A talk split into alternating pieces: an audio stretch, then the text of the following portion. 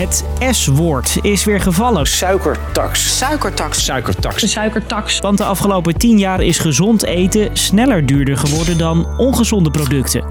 En dat moet anders, vinden ze bij het voedingscentrum. Eigenlijk zouden we er minder van moeten eten. En dan zou het beter zijn als het wat duurder is, want dan koop je het minder snel. Een van de oplossingen: een suikertax.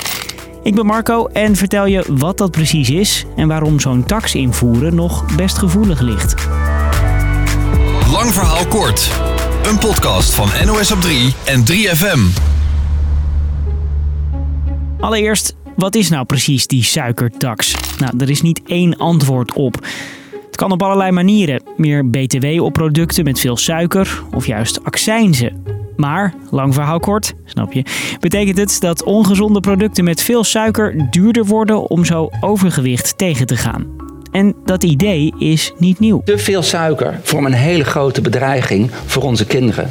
En daarom investeren we in preventie, in sport. En dat betalen we uit de inkomsten van een suikerbelasting. Dit zei CDA-leider Buma vijf jaar geleden. En Gert-Jan Segers van de ChristenUnie opperde het plan vorig jaar nog. Wat de ChristenUnie zou willen is dat je een suikertax invoert. Het ongezonde zwaarder belast. En ook buiten de politiek hoor je het plan regelmatig. En er moet een suikertax komen om ongezond eten te ontmoedigen. Daarvoor pleit de Raad voor Volksgezondheid en Samenleving die de regering adviseert. Dit advies deed de Raad vorige maand. En nu zegt dus ook het voedingscentrum weer: maak producten met veel suiker duurder. Het idee voor een suikertax is dus niet nieuw. Sterker nog, landen om ons heen, België, Frankrijk, Engeland, hebben al zo'n regel. Zo geldt in Groot-Brittannië sinds 2018: hoe meer suiker, hoe duurder het product. I think soft drinks are quite unhealthy, so um, I think it'll encourage people to drink healthier drinks. And I suppose if you're aware of it, seeing a price increase and you're thinking about sugar anyway, you'd probably be deterred from buying it. De regel heeft er daar niet per se voor gezorgd dat flesjes cola veel minder over de toonbank gaan. Maar fabrikanten hebben de hoeveelheid suiker in hun producten wel ineens drastisch verlaagd, vertelt correspondent Tim de Wit. Bijvoorbeeld eh, Fanta en Sprite meteen in actie gekomen. Ze hebben nu al in al hun frisdranken de suikerinhoud teruggebracht tot onder die grens van 5 gram per 100 milliliter. Dus een stuk eh, naar beneden gehaald. In andere landen, zoals Frankrijk of Noorwegen, werd er sinds de invoering van de suikertax wel een stuk minder frisdrank verkocht. En steeg ook de verkoop van flessen water. Al is niet zeker of dat laatste ook echt met die maatregel te maken heeft. En ook de Wereldgezondheidsorganisatie is enthousiast. We now have about nine countries who have established this taxation, and we're starting to see the effect of these taxation levels. In 2016 zeiden ze dat uit meer studies blijkt dat als je ongezonde producten duurder maakt, die producten ook minder worden verkocht. Dat het goed is als we wat vaker een appel nemen in plaats van een lekker ijsje, daar zijn de meesten het wel over eens. Maar of een suikertax daarvoor de oplossing is, daarover verschillen de meningen. Zo had deze Belgische arts twijfels toen vijf jaar geleden in België het idee voor zo'n tax rondging. Ik geloof nooit dat je met 1 eurocent of zelfs 3 eurocent voor een grotere fles, dat dat iets aan gedrag iets gaat veranderen. En hij bleek gelijk te hebben. Door die paar cent extra gingen Belgen niet minder frisdrank drinken. Ze kochten vooral goedkopere merken. Ook in Nederland zijn er twijfels.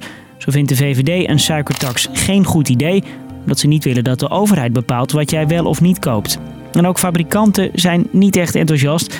Want in sommige producten hoort nu eenmaal suiker, vinden zij. Bijvoorbeeld in koekjes is het verdomd moeilijk om die te maken 100% zonder suiker. En dan anders heb je een beetje deeg en wat, uh, wat, wat, wat vet in je handen. En ook frisdrankmakers zien een tax niet zitten, omdat er al afspraken zijn gemaakt over het verlagen van de hoeveelheid suiker.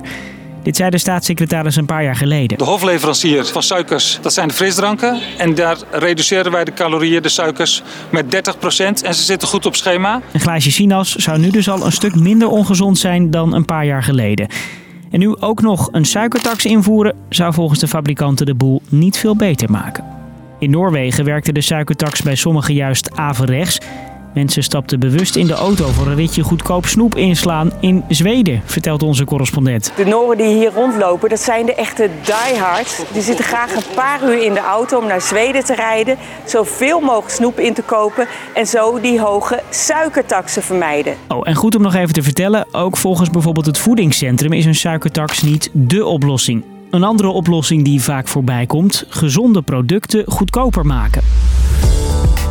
Dus, lang verhaal kort, het idee voor een suikertax komt regelmatig voorbij. Door producten met veel suiker duurder te maken, hopen partijen dat jij en ik die zak snoep vaker laten staan.